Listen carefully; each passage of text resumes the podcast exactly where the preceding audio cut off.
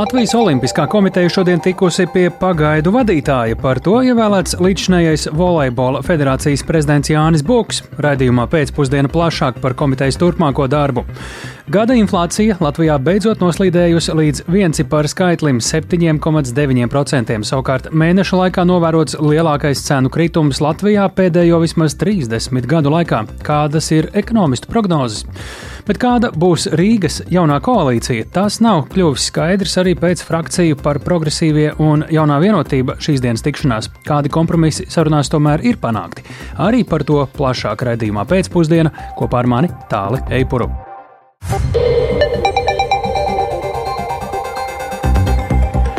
Pūkstens ir 16 un 5 minūtes, skan pēcpusdienas ziņu programma, skaidrojot šodienas svarīgus notikumus. Studijā Tālis Eipurs. Labdien!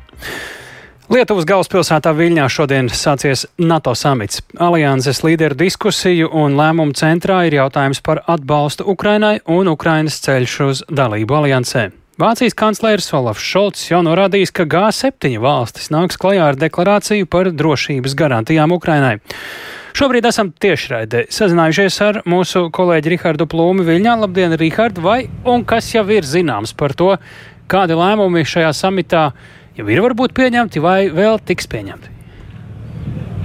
Jā, labdien, tālu, labdien arī klausītāji. Nu, diskusijas par Ukrainu jau ir aizsākušās eh, labu laiku pirms samita, un eh, šodien samitā, protams, tās turpinās, taču dažas norādes par iespējamiem lēmumiem jau ir, un uh, Ukraina ir norādījusi, ka tai šajā samitā nepietiks ar atkārtotām Bukarestas samita frāzēm par to, ka NATO durvis ir vaļā.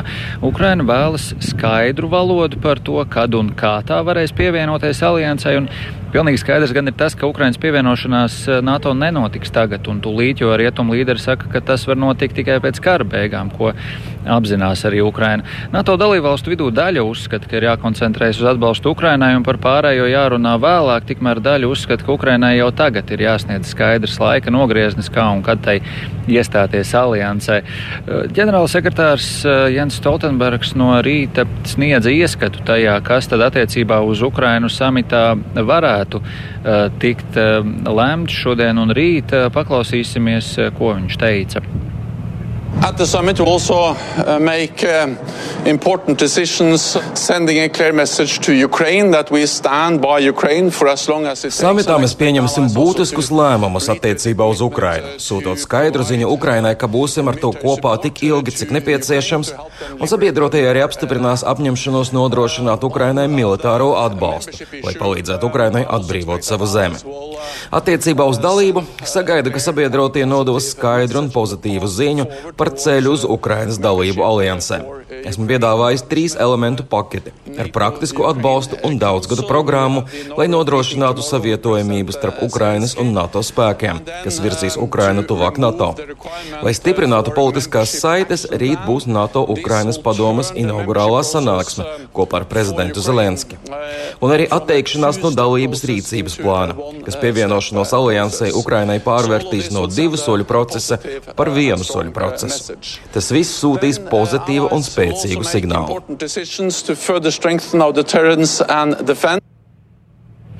Jā, no Baltais nams tikmēr ir paziņojis, ka NATO Ukrainai piedāvās reformu ceļu, lai tā varētu pievienoties aliansē, taču konkrēts laika grafiks noteikts gan netiks, un Baltais nams arī norādījis uz jau mans pieminēto Ukrainas uzņemšanu aliansē tagad, proti, ka tā nav iespējama, jo tas iesaistītu NATO karā ar Krieviju. Ukraina no savas puses divpusēji samita laikā strādās arī pie ieroču nodrošināšanas, gan pretgaisa, gan arī frontē nepieciešamā, protams, arī pie finansiālās palīdzības. Norvēģija šodien ir paziņojusi par papildus uh, finansiālo palīdzību. Arī Vācija.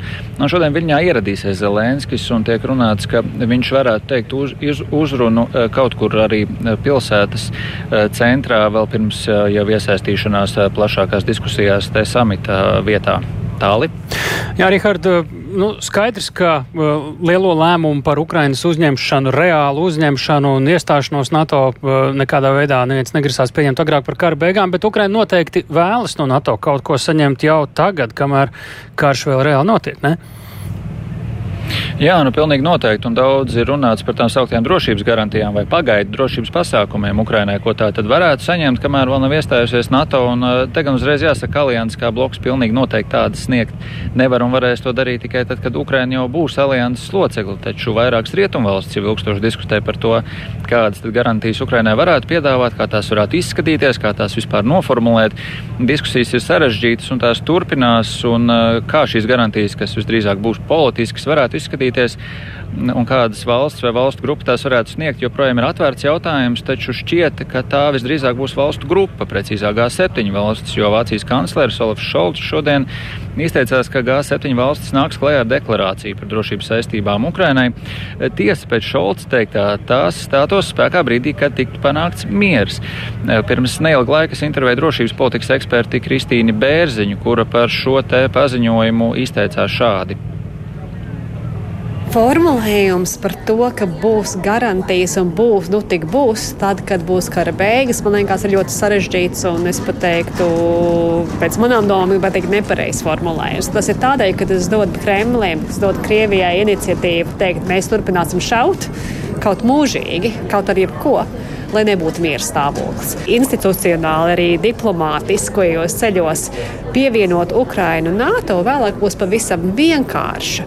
Bet, ja tagad mēs runāsim drīzāk par kaut kādām tālākām drošības garantijām, tas it kā attālina pēc manām domām Ukrainu no NATO, jo reāli šobrīd jau NATO un Ukraina ir ļoti tuvas abas puses.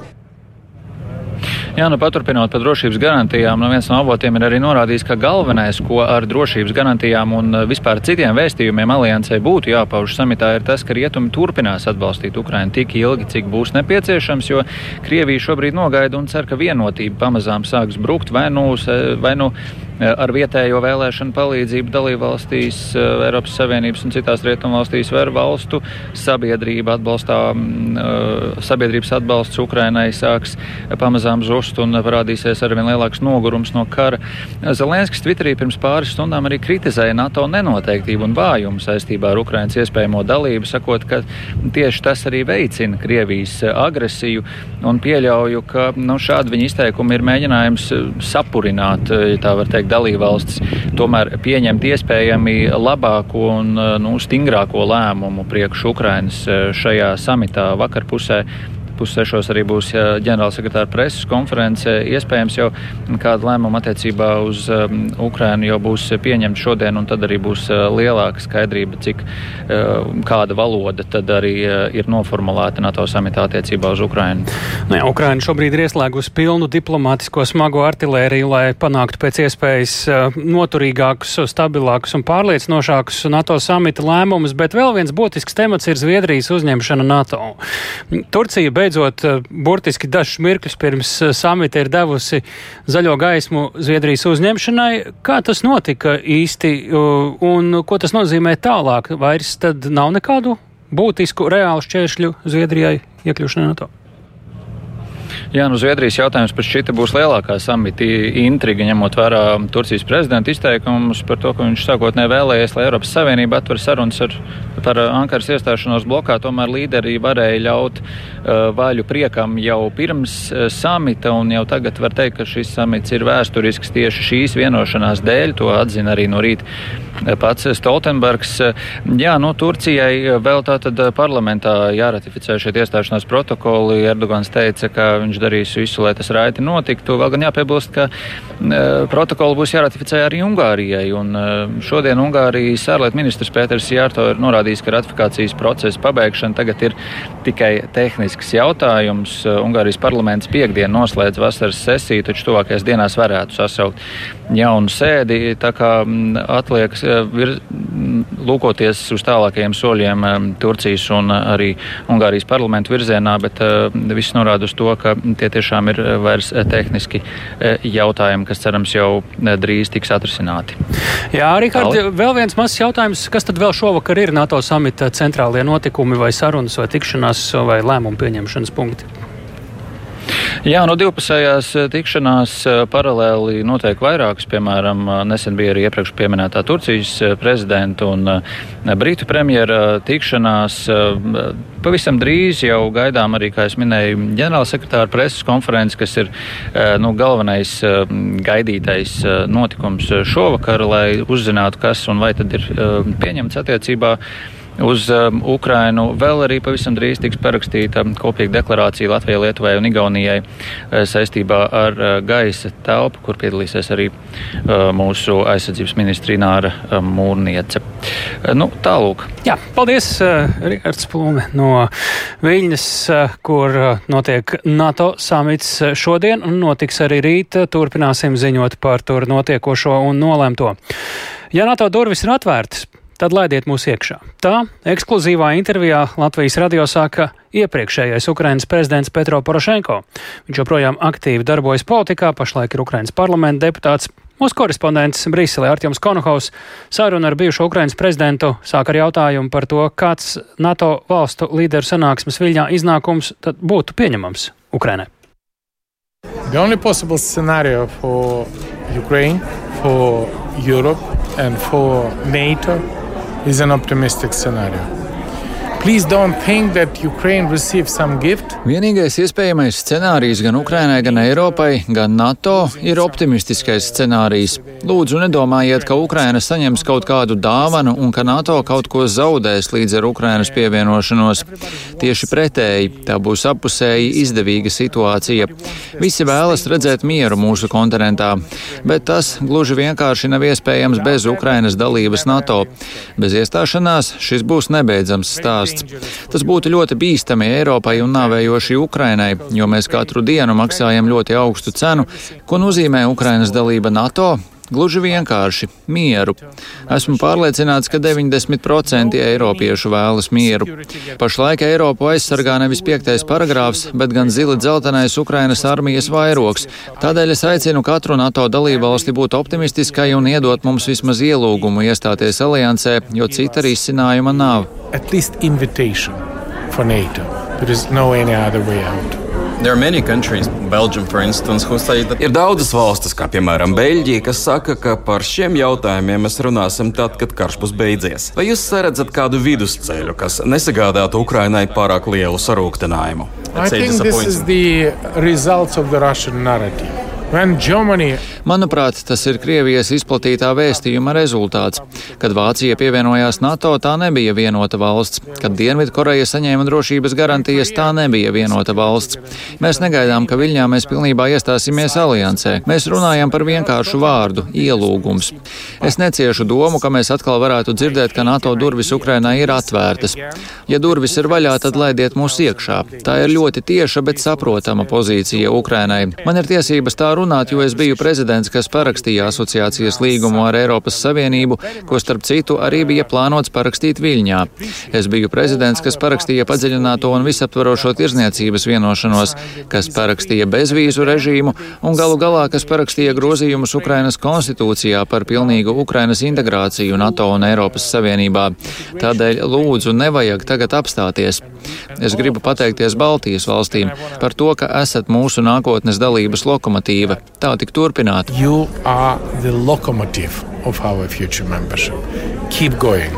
Vai jūs esat tikpat optimistiski noskaņots arī par dalību Eiropas Savienībā? It is impossible to be president of the country in a state of war and not to be optimistic.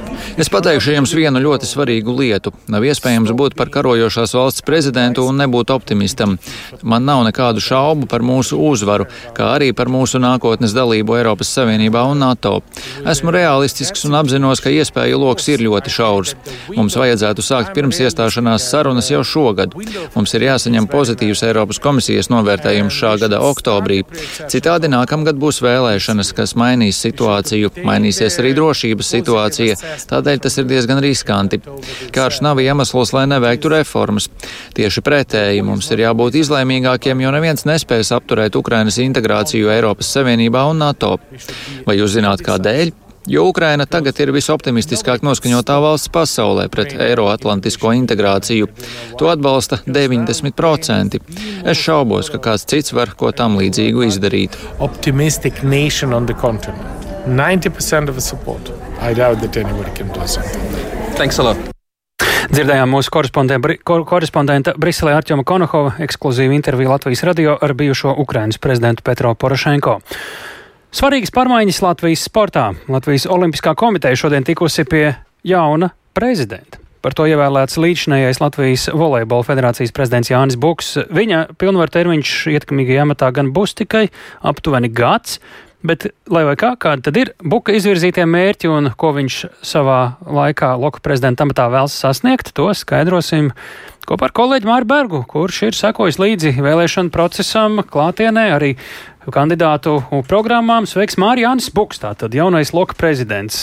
Cik prognozējumi vai negaidīta ir viņa ievēlēšana? Sveiks, tālāk, sveicināti klausītāji. Jāņa Buka ievēlēšana noteikti nav negaidīta. Viņš bija viens no diviem favorītiem uz šo amatu, bet uh, nedaudz negaidīti varētu būt tas, ka Buku ievēlēja ar tiešām lielu pārsvaru. Par viņu savu balsi atdeva 68 loku locekļi, par Andri Feldma, Feldmani balsoja 24 cilvēki, bet par Guntu Flasenko balsoja tikai 5 cilvēki.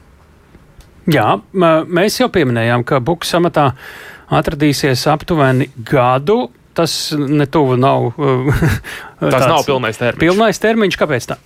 Jā, tātad šīs bija ārkārtas prezidenta vēlēšanas. Turklāt tā ir pirmā reize, kad Latvijas Olimpiskā komiteja pieredz šādu situāciju. Šeit atkal mazliet iedosim kontekstu. Proti, iepriekšējais prezidents Žošs Tikmers no savā amata atkāpās 17. maijā, sakojot skandālam par iespējamu interešu konfliktu viņa rīcībā, proti ar Tikmera bijušo un arī esošo dzīves biedri saistītu uzņēmumu snieguši pakalpojumus Olimpiskajai komitejai.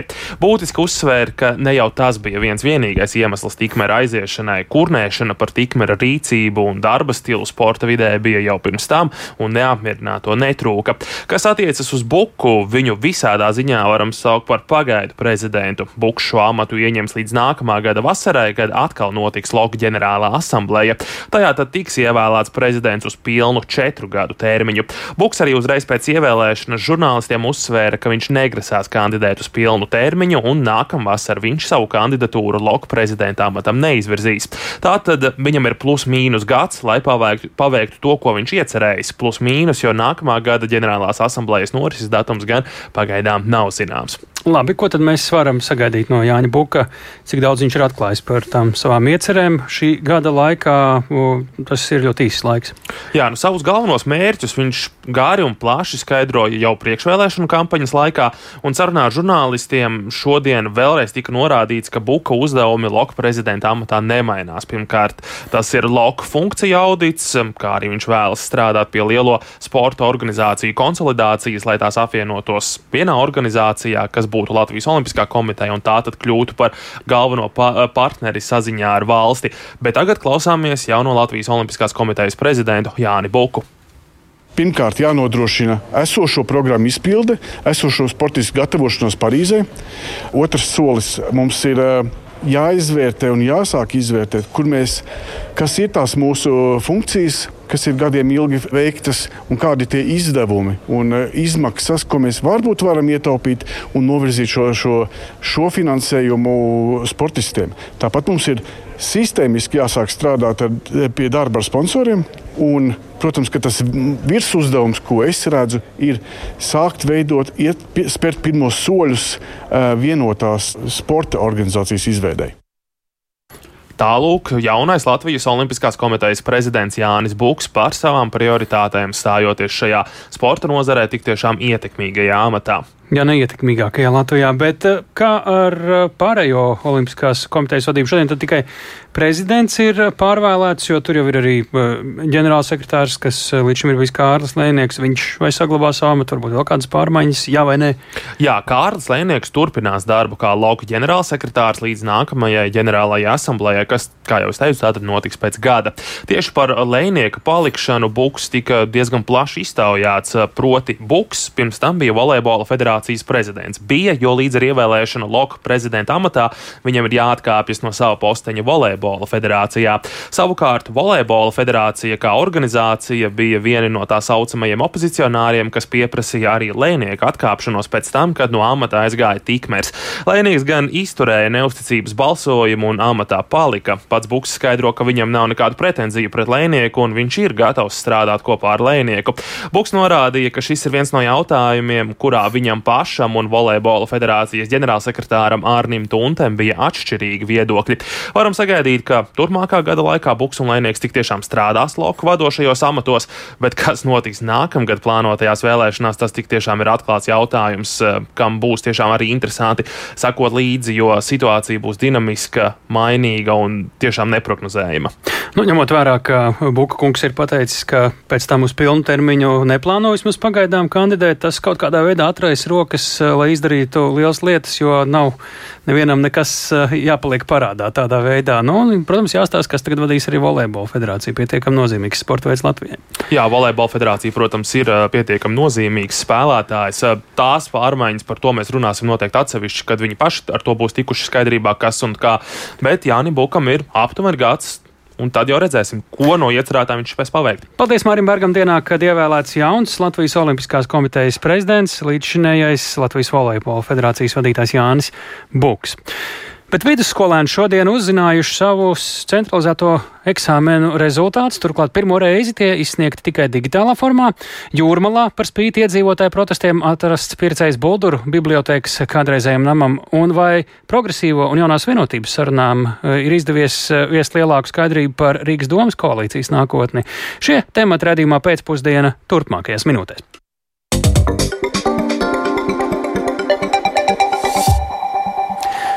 Gada inflācija jūnijā Latvijā samazinājusies līdz 7,9%.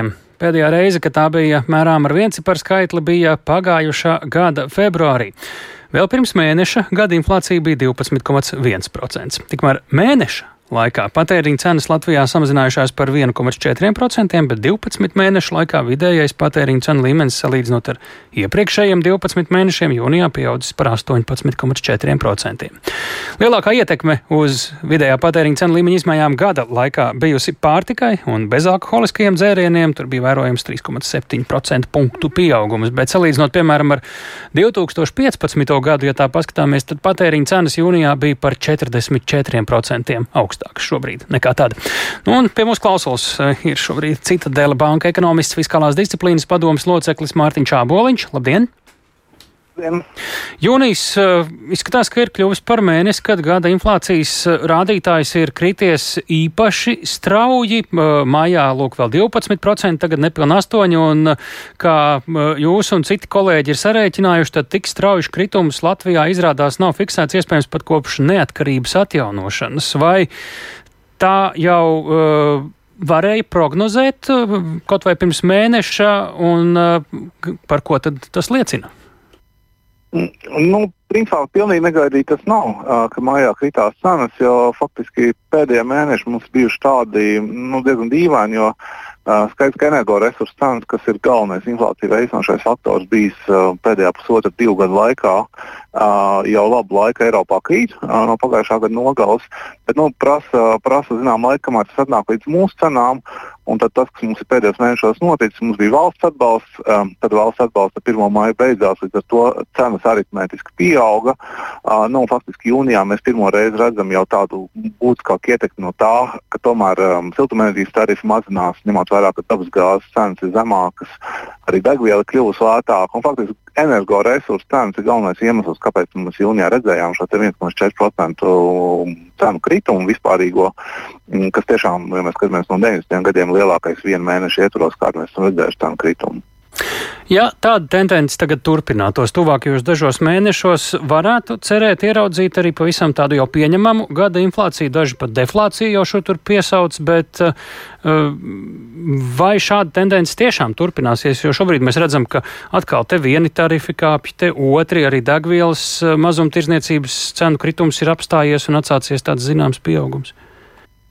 Um Es domāju, ka tuvākiem divu mēnešu īsumā mēs varētu redzēt deflāciju. Jo vasara ir, diezgan tipiski, diezgan bieži mums ir kaut kāda cenu kritumi, mums ir sezonālie dārziņi, nāk iekšā, mums ir apģērba sezonas izpārdošanas.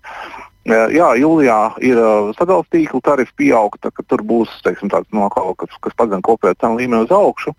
Mm, bet tomēr pārtiks cenas mēs skatāmies šobrīd. Nu, tiešām tas līmenis ir augsts. Jā, pēdējie divi mēneši vairs neaug, uh, bet uh, ņemot vērā, kas notiek ar globālajām pārtikas cenām, ņemot vērā, ka energoresursi kļūst lētāki, tur būtu pamats kaut kādam kritumam. Uh, tāpēc domāju, tas, ka mēs gada beigās varētu redzēt zemu inflāciju, uh, visticamāk, divi, varbūt pat zem 2% ir, ir ļoti ticami. Jautājums, kas notiek tālāk, jo tas, ko mēs redzam, ka iekšējās cenas, pakalpojumu cenas, tur inflācija ir 10% un pagaidām bez kaut kādām īpašām izmaiņām.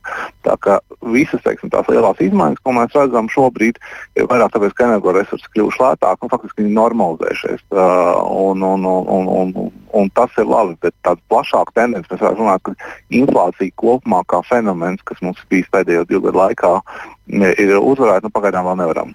Nu, šobrīd daudz novērojuši, ka dažādām precēm vai pakalpojumiem ar dažādiem pārdevējiem, veikalu ķēdēm un līdzīgi, nu, tās cenas ir dažviet neloģiski augstas vai atšķirīgas gan savstarpēji tepat Latvijā, gan salīdzinot ar tuvajām ārzemēm vai mazliet tālākām ārzemēm. Vai ir novērojama kāda loģikas atgriešanās, vai būs novērojama cenu samazinājumiem, vai ir pamats cerēt, ka tie ir sagaidāmi, ja, nu, protams, nerodas kaut kādi jauni satricinājumi pasaulē? Es domāju, tas ir process, kuram būtu jānotiek. Uh, skaidrs, ka mēs gribētu ļoti ātri to redzēt, bet uh, nu, mēs redzam, ka īstenībā mm, kaut kāda šāda procesa ekonomikā prasa laiku. Tas, kas man liekas, mums ir noticis, nu, tomēr mums ir bijuši šādi lieli satricinājumi pēdējā laikā, gan Ukrainā karš, gan uh, energoresursu cenas svārstības. Un ar to diezgan haotiskā veidā ražotāji, pārdevēji šīs augstās resursu cenas, kas bija, ir ielikuši gala patēriņa cenās. Tāpēc var, var būt tiešām situācijas, ka atkarībā no kāds ir līgums, tad viens tās pašas preces dažādos veikalos maksā ļoti dažādi. Un skaidrs, ka nu, šīm neloģiskumiem būtu laika gaitā jāmazinās, šīm cenām jānormalizējās. Bet nu, cenas krīt nelabprāt veikalos, un, un skaidrs, ka nu, tas kaut kādu brīdi prasīs. Bet noteikti mēs skatāmies uz to, kur šobrīd ir energoresursu cenas, kur ir pasaules teiksim, pārtikas resursu cenas. Nu, būs zināms pamats gaidīt arī cenu kritumu pie mums. Jautājums vienkārši, cik ātri tas var notikt. Un, un, protams, jo, jo lielāka konkurence, jo lielāks spiediens no patērētājiem, teiksim, aktīvāk izvēloties, skatoties šīs cenas, ejot tur, kur lētāk, jo ātrāk, ātrāk tas notiks. Divos vārdos, kāpēc citur cilvēki saskata, ka tas notiek ātrāk un mums lēnāk? Um, nu, protams, ka ļoti grūti dot tādu vispārīgu skatījumu, jo skaidrs, ka tie piemēri, ko mēs redzam arī, arī sociālajos tīklos, uh, tie ir atsevišķi piemēri. Mēs jau nemeklējam otrādus piemērus, kur mums kaut kas ir lētāk. Uh, ja mēs skatāmies vispārīgo cenu kāpumu, tiešām mums ir bijusi inflācija augstāka un, un, un dažādu varbūt, iemeslu dēļ. Uh, bet, ja mēs vēl salīdzinām, teiksim, kas ir populārs, kur ir um, Lietuva, Igaunija, Nu, tad, piemēram, Igaunijā jūnijā pārtikas cenas turpināja augt, mums ir pat neliels kritums. Tā kā runāt, ka vispārīgi, piemēram, kaimiņos cenu līmeņi ir zemāki, nevar. Protams, ka atsevišķos piemēros visticamāk var atrast arī pretēji, kur mums tās cenas kaut kur ir lētākas. Lielas paldies par sarunu. To sakām Citadela banka ekonomistam, fiskālās disciplīnas padomas loceklim Mārtiņam Āboliņam. No šodienas vidusskolēniem elektroniski pieejami certifikāti par vidējo izglītību. Šis ir pirmais gads, kad centralizēto eksāmenu rezultātu certifikātus izsniedz tikai digitālā formā. Par šo kārtību un to, vai tomēr ir iespēja tikt arī pie certifikāta, ja vajadzīgs, piemēram, ārzemēs, arī papīra formā, plašāk Agnijas Lāsdiņas ierakstā. Certifikāti par vispārējās izglītības centralizētajiem eksāmeniem ir pieejami izglītības iestādēm valsts pārbaudījuma informācijas sistēmā, savukārt skolēniem eksāmena rezultātus ir iespējams apskatīt portālā Latvija LV sadaļā Mani dati izglītības reģistros. Skolēniem, kas studēs Latvijā, nav vajadzīgs certifikāts papīra formātā. Lai iestātos augstākās izglītības iestādē, ir jāinteresējas par tās uzņemšanas kārtību. Tiesa vairākas iestādes izmanto elektroniskās pieteikšanās sistēmas, piemēram, portālā Latvija LV ir publicēta informācija par pieteikšanos studijām nākamajam mācību gadam 11 augstākās izglītības iestādēs, kas izmanto vienoto pieteikšanās platformu, piemēram, Latvijas Universitāte, Rīgas Tehniskā Universitāte, Ventspils augstskola un citas. Tāpat elektronisku pieteikšanos nodrošina arī Rīgas Stradiņu Universitāte. Turpina valsts izglītības un satura centra komunikācijas nodaļas vadītāja Liena Bērziņa. Ja runājam par certifikātu papīra formātā, tad te ļoti būtiski uzsvērt, ka certifikāts ir elektroniskais dokuments, proti viņam juridiskais spēks ir tikai elektroniskā formātā. Attiecīgi papīra formātā viņam šī juridiskā spēka nav un patiesībā viņš nav nepieciešams.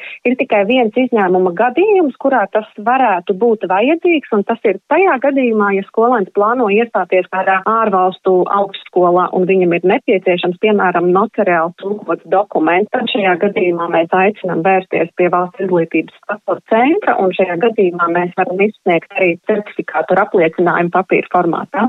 Skolēnam, kurš vēlas studēt ārzemēs un kuram ir vajadzīgs arī certifikāts papīra formātā, jāraksta iesniegums valsts izglītības un satura centram, kur arī apliecina un sniedz informāciju, ka vēlas iestāties kādā no ārvalstu augstskolām, un tad, līdz ko centrs certifikātu sagatavo, to var saņemt. Iepriekš valsts izglītības un satura centrs ziņoja, ka papīra certifikāta cena ir noteikta 10 eiro par vienu, taču tagad Liena Bērziņa norāda, ka pašlaik ir bijuši aptuveni 30 līdz 40 skolēni, kas ir vērsušies valsts izglītības un satura centrā, lūdzot izziņu par iespēju iegūt certifikātu papīra formātā, jo vēlas studēt ārzemēs. Tas nesot liels pieprasījums, tāpēc šis pakalpojums šogad ir bez maksas. Savukārt nākotnē tas kļūs par maksas pakalpojumu. Piesakoties studijām, viss notiek gluži tāpat, kā ir noticis iepriekšējos gadus. Tā norāda Latvijas Universitātes studiju servisa departamenta direktors Jānis Saulītis. Viņš stāsta, ka datus par centralizēto eksāmenu rezultātiem universitāte saņem elektroniski no sistēmas, līdz ar to skolēnam nav nekas jāiesniedz. Certifikāts papīra formātā esot jāuzrāda vien tiem, kas tos ieguva agrāk, kad eksāmenu rezultāti vēl nebija pieejami elektroniski. Protams, tie, kas nāk pie mums apstiprināt, ja viņiem kaut kas nesanāk sistēmā attālināt izdarīt, jo principā tie, kas šogad un iepriekšējos trīs gados ir beiguši vidusskolas, viņi pieteikumu var izveidot un apstiprināt um, attālināt ar nelieliem izņēmumiem. Tātad tiem, kam ir jānāk, kuriem tad pēc visiem noteikumiem tā kā jāņem šie certifikāti līdzi, nu būtu pareizi viņus paņemt līdzi, respektīvi paņemt, teiksim, telefonu, kurā šis certifikāts ir, teiksim, parādāms, ja nu gadījumā tas ir nepieciešams. Ja skolēns šogad nestāsies nevienā augstskolā, to bez uztraukuma varēs darīt arī nākamajos gados, jo centralizēto eksāmenu rezultāti no sistēmas nepazudīs. Agnija Lazdiņa, Latvijas radio. Tikmēr par Rīgas pašvaldības koalīcijas nākotni lielākas skaidrības nav ne uz papīra, ne elektroniski, nekādā citā formā. Tas nav kļūst skaidrāks arī pēc šīs dienas frakciju par progresīvie un jaunā vienotība tikšanās. Šodien pēc aptuveni divu stundu ilgām sarunām kopsaucēju atrast izdevies vien daļēji. Lai arī vienošanās par sadarbību īsti nav panākta, abi politiskie spēki gan apgalvo, ka viens otru arī redz jaunās uh, domas jaunajā kodolā. Un par to mums gatavs vairāk stāstīt, uh, viest skaidrību par neskaidrību, kolēģis Viktors Demīdovs, kurš mums pievienojas studijās. Veiks, Viktor, pastāst par uh, ko deputāti šodien vienojās tomēr un par ko arī nevienojās un Ko tu vēl novēroji šajās sarunās? Sveicināti. Nu, tā šodienas uh, tikšanos nu, rīkojusi frakcija par progresīvie, kuri pēc uh, pagājušās nedēļas uh, koalīcijas sarunām sāpīgos jautājumus ar jauno vienotību vēlējusies izrunāt acis pret aci. Un īsi pirms sapulces es uh, sazinājos ar frakcijas par progresīvie vadītāju Mārtiņu Kosoviču, kurš uh, teica, ka nav ko cerēt, ka sarunas uz priekšu ies lieliem soļiem un šodienas tikšanās nebūs pēdējā. Uh, šodienas uzdevums bija pārunāt neseno pagātni un notikumus satiksmes departamentā, kas bija viens no iemesliem, kāpēc mm, koalīcijā radās nesaskaņas. Un apmēram divu stundu ilgās sarunas kas notikušas aiz slēgtām durvīm, abi politiskie spēki vērtē atšķirīgi. Nu, sāksim ar jauno vienotību. Šī frakcija uzreiz atzina, ka kompromisu abas frakcijas joprojām meklē, taču viņi ir vienojušies, kā šajā starposmā, kurā ir pagaidu mērs un kurā nav saprotams, kāds būs domas kodols, uh, uh, viņi ir tātad sapratuši, kā viņi pārvaldīs pilsētu. Uh, mēra pienākuma izpildītājs Vilnis Čirsis norādīja, ka darbs būs koordinēts, nu, tātad viņi strādās kopā. Bet nesaskaņa, kas joprojām nav atrisināta, ir frakcijas par progresīvie uzskats, ka jaunajai vienotībai ir plāns izveidot alternatīvu koalīciju. Uh, lai gan jaunās vienotības vadītājs Olofs Pulks apgalvo, ka kompromisu viņi atradīs, viņš kopā ar Kirsi uh, runāja diezgan tādā tēlēnā valodā, izmantojot epitetus. Un lūdzu, paklausīsimies. Ja mēs apmēram uzskatām, ka diezgan skaidri redzēja, ka saule spīd. Tad uh, varbūt kolēģiem ir brīžiem viedoklis, ka varbūt ir mākoņains un apmācies laiks. Un tad nu, tur tā sarežģīti, ja tur Tur jau būtu jānāk brīcim un jāskaidro, ka kāda laika apstākļi. Bet es saku, mēs, mēs tiešām negribētu vairs koncentrēties uz to, jo, jo man liekas, ka pilsēta un pilsētas eh, vajadzības nu, tam ir jāstāv pāri visam šīm. Un Rīga ir tā, kas būtu pelnījusi, lai būtu pilnvērtīga, eh, strādājoša, funkcionējoša doma un, un, un teiksim, šī nestabilitātes situācija varētu tikt pārvarēta. Mēs esam gatavi šī vārdā arī, arī uzklausīt to, ka ir tā, kā ir ka varbūt ir nedaudz apmākusies. Bet skaidrosies, skaidrosies laiks.